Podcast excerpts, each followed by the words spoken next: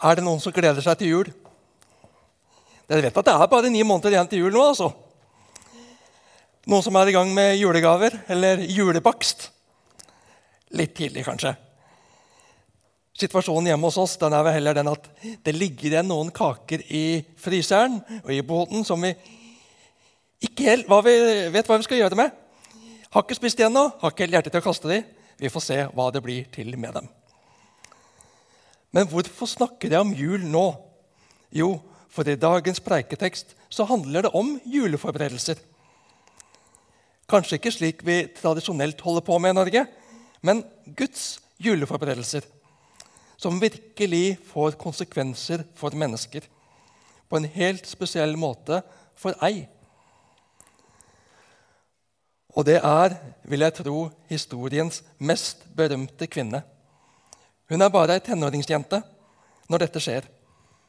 Hun er forlova, men datidens kultur og skikk og lov forsikrer seg om at hun ikke får, usømmelig, får ha usømmelig kontakt med denne mannen før de er rettmessig gift. Det gjør belastningen desto større for denne unge, modige kvinnen. Dette er svære ting, og det er en enorm måte det formidles på. Selv om det er bare én tilhører i første omgang. I avsnittet før har det handla om ei eldre dame som har blitt gravid etter for lengst å ha gitt opp å kunne få barn. Så avsnittet vårt det starter der. Vi skal lese fra Lukas 1, vers 26 til 38. Men da Elisabeth var i sjette måned, ble engelen Gabriel sendt fra Gud til en by i Galilea som het Nasaret, til en jomfru som var lovet bort til Josef, en mann av Davids ett. Jomfruens navn var Maria. Engelen kom inn til henne og sa, 'Vær hilset, du som har fått nåde. Herren er med deg.'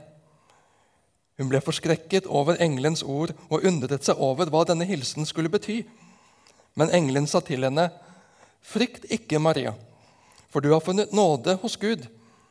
Hør, du skal bli med barn og føde en sønn, og du skal gi ham navnet Jesus. Han skal være stor og kalles den høyeste sønn. Og Herren Gud skal gi ham hans far Davids trone. Han skal være konge over Jakobs hus til evig tid. Det skal ikke være ende på hans kongedømme. Maria sa til engelen, 'Hvordan skal dette kunne skje når jeg ikke har vært sammen med noen mann?' Engelen svarte, 'Den hellige ånd skal komme over deg, og den høyestes kraft skal overskygge deg.' Derfor skal barnet som blir født, være hellig og kalles Guds sønn. Og hør, din slektning Elisabeth venter en sønn, hun også, på sine gamle dager. Hun som de sa ikke kunne få barn, er allerede i sjette måned for ingenting er umulig for Gud. Da sa Maria, Se, jeg er Herrens tjenerinne. Jeg er Herrens tjenestekvinne. La det skje med meg som du har sagt. Så forlot engelen henne. Slik lyder Herrens ord.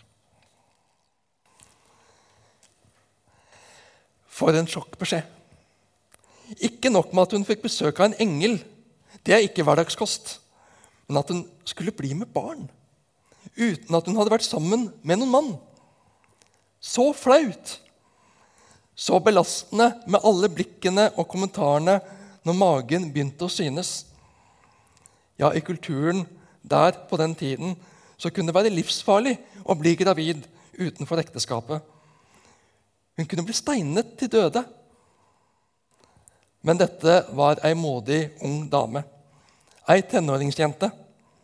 Hun aksepterte oppdraget, og det har fått enorm betydning for verdenshistorien. Hva var det engelen sa til Maria? Frykt ikke, Maria, for du har funnet nåde hos Gud. Hør, du skal bli med barn og føde en sønn, og du skal gi ham navnet Jesus. Frykt ikke. Det kan du si, det. Det må ha vært lettere sagt enn gjort. Det er det som regel. Og det er en del som er redde i disse dager. Det er så mange begrensninger i samfunnet vårt for å begrense smittespredning av koronaviruset. Men det igjen har også mange ringvirkninger. Sykdom, ja. Andre blir permittert eller mister jobben eller får sterkt begrenset inntekt. I det hele tatt alle spørsmålene. Hvordan vil det gå? Det er naturlig å være redd. Likevel så sier engelen, Guds utsending, 'Frykt ikke'. Jeg har prøvd noen ganger det å prestere og ikke frykte. Å få til å ikke være redd. Det er et ganske umulig prosjekt. Det må angripes fra en helt annen kant. Jeg må ta et annet fokus. Jeg må velge å fokusere på et annet sted enn det rundt meg som gjør meg urolig. Jeg må velge å se på Han som sier, 'Vær ikke redd'. Se på Gud. Se på Jesus. La tanker, sinn og følelser fylles av hvem Han er. Den makt Han har. Hans omsorg for meg og alt Han kan. Jeg er i Herrens hender med alt som med meg skjer. Smak på den.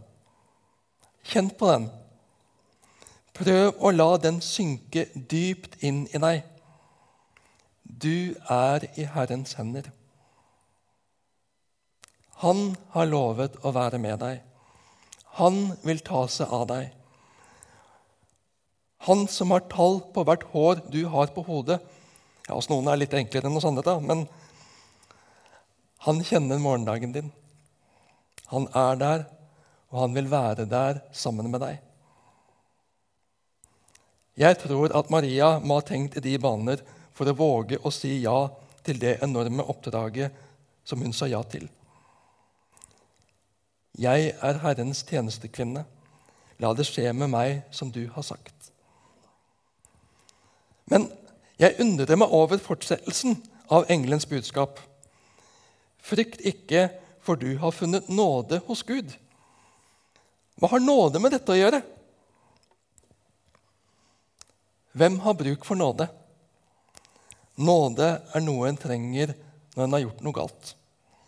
Når en ikke fortjener noe godt. Når en trenger å få, selv om en ikke fortjener det. TV-reklamen er helt annerledes. De vil selge inn til deg både det ene og det andre fordi du fortjener det. Du har vært så flink. Du har stått på. Du er dyktig. Du fortjener det. Underforstått fortjener å unne deg å bruke penger på dette. Men det handler jo om i reklamen å finne måter å få folk til å kjøpe på. Det gir en god følelse å bli fortalt at jeg fortjener noe, at jeg er noe, at jeg har prestert noe som fortjener et eller annet. Det spiller på prestasjonsjaget i oss og rundt oss. Bibelens budskap er helt annerledes. Å få det vi ikke fortjener, fra Gud. På den ene siden så liker jeg jo helst å gjøre meg fortjent til ting. Få til ting. Lykkes. Bli anerkjent for det jeg gjør. Da er det kjekt å motta lønn og hyllest. Men samtidig så kan det bli ganske slitsomt. Alt jeg skal få til, stadig prestere, stadig lykkes. Det er ikke rom for feil langs den linja. Det er nådeløst. Jeg må stadig henge i stroppen og passe på å ikke gjøre feil, for da kan alt sammen rakne. Ja, men jeg er jo ikke sånn. Jeg gjør jo feil. Jeg bommer. Jeg tabber meg ut. Og når jeg er villig til å tenke over alle blande motiver for det gode jeg gjør, da ønsker jeg ikke å omgis av tankelesere. I tankene mine er det mye som jeg helst ville vært foruten. Fortjener? Hvor mye fortjener jeg egentlig? Jeg trenger faktisk mye mer enn jeg fortjener. Kjærlighet, omsorg, tilgivelse, nye sjanser. Det er det jula handler om. Ja, påske også. Og det er det Jesus kommer med. Gud som blir menneske for å vise at han forstår hva det vil si å være menneske. Gud som blir menneske for å ta på seg menneskenes bør, menneskenes byrde, gjøre opp for, bringe tilgivelse inn i verden, en ny sjanse, nåde. Jeg trenger Jesus. Jeg trenger nåde. Jeg har nok tenkt slik helt siden oppveksten egentlig at biografier det er slik som halvgamle menn leser. Biografier det er kjedelige greier. Helt uinteressant. Men for noen år siden så leste jeg biografien til misjonslederen Tormod Vågen helt frivillig.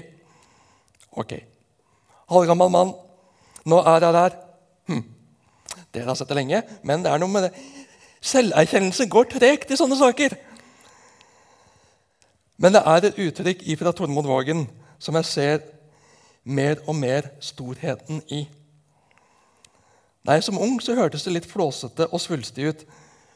Men nå ser jeg annerledes på det. Tormod Vågen han sa det er nåde å få tjene.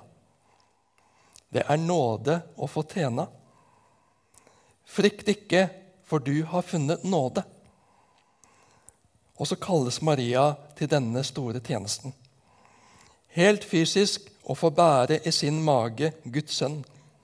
Føde Guds sønn. Derfor blir Maria kalt gudfødersken. Vi kjenner at her sprenges kategoriene, og ordene og tankene går ikke helt opp. Nei, det går jo ikke an. Nei, for oss så går det ikke an. Ingen kan kopiere Maria i det. Jomfrufødsel stemmer ikke med vår logikk vår kunnskap med alt vi har lært og erfart. Men for Gud er alt mulig. For Gud er alt mulig. Som sagt, du kommer ikke til å få samme oppdrag som Maria. Hennes oppdrag var unikt og helt spesielt. Men når det var mulig i hennes liv, at hun skulle føde Guds sønn, Messias, Frelseren, så er det kanskje mulig at Gud kan gjøre overraskende ting i livet ditt også. Nei, jeg kan ikke det. Jeg er ikke så god til slikt. Det er bedre at du spør noen andre. Det er ikke meg å stille meg fram på den måten. Selv så ble jeg fysisk sjuk, og jeg er overbevist om at det var fordi jeg grua meg sånn til opptreden på juleavslutningen i første klasse. Jeg lå kveld etter kveld og vrei meg i senga. Jeg fikk ikke sove. Jeg grudde meg for at jeg, skulle, at jeg skulle stille meg fram, lett utkledd og med en regle som jeg skulle si. Jeg ville ikke. Jeg kunne ikke få meg til det. Det var bare ikke meg. Og på ungdomsskolen så var jeg lykkelig da dataen krasja. Og hele foredraget om Josef Stalin som jeg skulle fremføre for klassen, plutselig var borte. Helt greit å bruke ti timer ekstra foran PC-en på å skrive det på nytt framfor ti minutter for å framføre det for klassen. Men så fikk jeg et kall. Ble tilskyndet, ble pusha vennlig, fikk mange gode tilbakemeldinger. Og det handler ikke om meg. Det er Jesus som skal fram. Det er Den hellige ånd som skal gjøre det. Det gir meg frimodighet. Selv om jeg er ganske rastløs i forkant av hver gang jeg skal stille meg fram, og jeg springer på do i tide og utide timen før. Gud kaller oss til tjeneste for seg. Det er nåde å få tjene den allmektige, hellige Gud, som har gitt seg selv for oss. Og vi får takke og ære ham med å tjene ham tilbake. Noen ganger så innebærer det å stige opp og ut i noe som vi opplever altfor stort og utrygt og ukomfortabelt. Andre ganger innebærer det å bruke evner og opparbeidede ferdigheter gjennom utdannelse eller annen trening og øving. Sette nådegaver og naturgaver i sving. Andre ganger handler det om å være villig til å gjøre en oppgave som nesten hvem som helst kan gjøre. Det er ikke så vanskelig, det er ikke så spennende. Det kan være direkte kjedelig og guffent til tider, men det må til for at helheten skal fungere. Om det er i menighet eller vennekrets, hjem, utvidet familie Gud kaller oss til tjeneste. Liv utover oss selv. Syndefallet gjorde oss innovervendte. Og vi tenker mest på oss selv, først og fremst på oss selv. Og i vanskelige tider kan det slå sterkere inni oss, selvbeskyttelsestrangen. En skal ta ansvar for seg selv, absolutt. Men evne å ville se andre, tjene andre. Du skal elske Herren din Gud av hele ditt hjerte, av hele din sjel, av all din kraft og av all din forstand og de neste som deg selv. Jeg er imponert over forsamlingen her i Misjonshuset. Jeg er mektig imponert over det enorme nettverket av tjenester og tjenestevillighet vi opplever i menigheten vår. Vi snakket litt om det tidligere. Søndagsskolen Havana har 25 ledere, inkludert de som er i permisjon. I tillegg har vi ledere i Bibel og Pizza, After Eight, Mission Men, Twins Club, Fredagstaco. Vi har sju møtepartier med fire-fem personer på hver. Vi har sju lovsangsteam med til sammen ca. 35 musikere og forsangere. Lydteknikere og bildeteknikere, tolker, åtte faste møteledere pluss ledere i Storsøndag. Vi har folk som tar ansvar for tre ukentlige bønnemøter når det er normal virksomhet i Misjonshuset, samt bønnelenken. Folk som arrangerer strekkekvelder, guttekvelder, undervisnings- og samtalekvelder. Medvandrere, smågruppeledere for de 25 smågruppene våre. Driftsutvalg, estetikkutvalg, ledere i ICF, International Christian Fellowship. Ledere og medhjelpere i torsdag formiddagsmøtene. To festkomiteer, småbarnstreff, styre og ulike ledere og oppgaver i MUF, Misjonshuset Ung Fellesskap. Komité for forsamlingstur er på plass for høstens forsamlingstur. Besøkstjeneste i hjem og andagsgrupper på to, to sykehjem i byen. Vi har utsendinger med tilknytning til Misjonshuset i fem ulike land akkurat nå. Styre, valgnemnd og tre komiteer knytta til prosjektet Nye Misjonshuset og julemessekomité. Og nå har vi fått på plass ei som kan tenke seg å ta hånd om økonomien og klargjøring av alt til regnskapsfører. En stor lettelse for meg. Vi har representanter og telefonvakter i Kirkens SOS. Vi har fotograf. Og jeg har en mistanke om at det er enda flere, men det er det jeg kommer på nå. Og så har vi 40-50 personer som er med i turnus to og to per uke i renhold i Misjonshuset. Og Pluss en god gjeng fra Gilgal pinsemenighet som leier hos oss. Og nettopp ved at vi er så mange om det, så gjør det at belastningen blir liten på hver enkelt. Det er bare å hive seg med. Ta kontakt. Når jeg prøver å oppsummere, eller prøver å summere antall personer i ulike oppgaver, så kommer jeg til ca. 320 personer.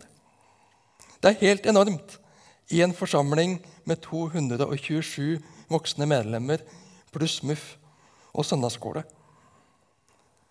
Og det er tjenesten innad og ut fra forsamlingen. Og så har vi en tjeneste for Gud i vår hverdag, i vårt hjem og ut fra våre hjem. I våre nettverk av naboer og kollegaer og omgangskrets. Vi er Guds tjenere, som av Hans nåde er Guds barn. Himmelborgere som skal få stråle Hans glans og kjærlighet og omsorg ut til de vi møter. Og all erfaring viser at det er forunderlig hva Gud legger til rette for når vi over tid ber for naboer og mennesker som vi har relasjoner til. Gud jobber i dem, og Gud jobber i oss etter hans gode plan og vilje. Og akkurat nå, i den tiden vi er i nå, Når det meste av arrangement og faste aktiviteter er avlyst og stengt, så har vi en helt spesiell mulighet til å fokusere på de aller nærmeste. Om det er innad i eget hus eller naboen over gangen eller over veien, til å bruke tid med Guds ord i lag. Ikke forstrekke seg med de ambisiøse planene, men de små drypp. Om det rett og slett er å lese et lite avsnitt i Bibelen sammen, eller fra en barnebibel, andagsboka, videoressurs fra Øystein og Chris, eller fra søndagsskolen, fra Superblink, bruke Avana-bøkene, eller noe positivt og oppbyggelig som du kommer over i et blad eller på nett, som du vil dele med naboen. Kjærligheten gjør oppfinnsom. Jeg vil gjenta det senere, men jeg sier det også allerede nå. Tjen Herren med glede.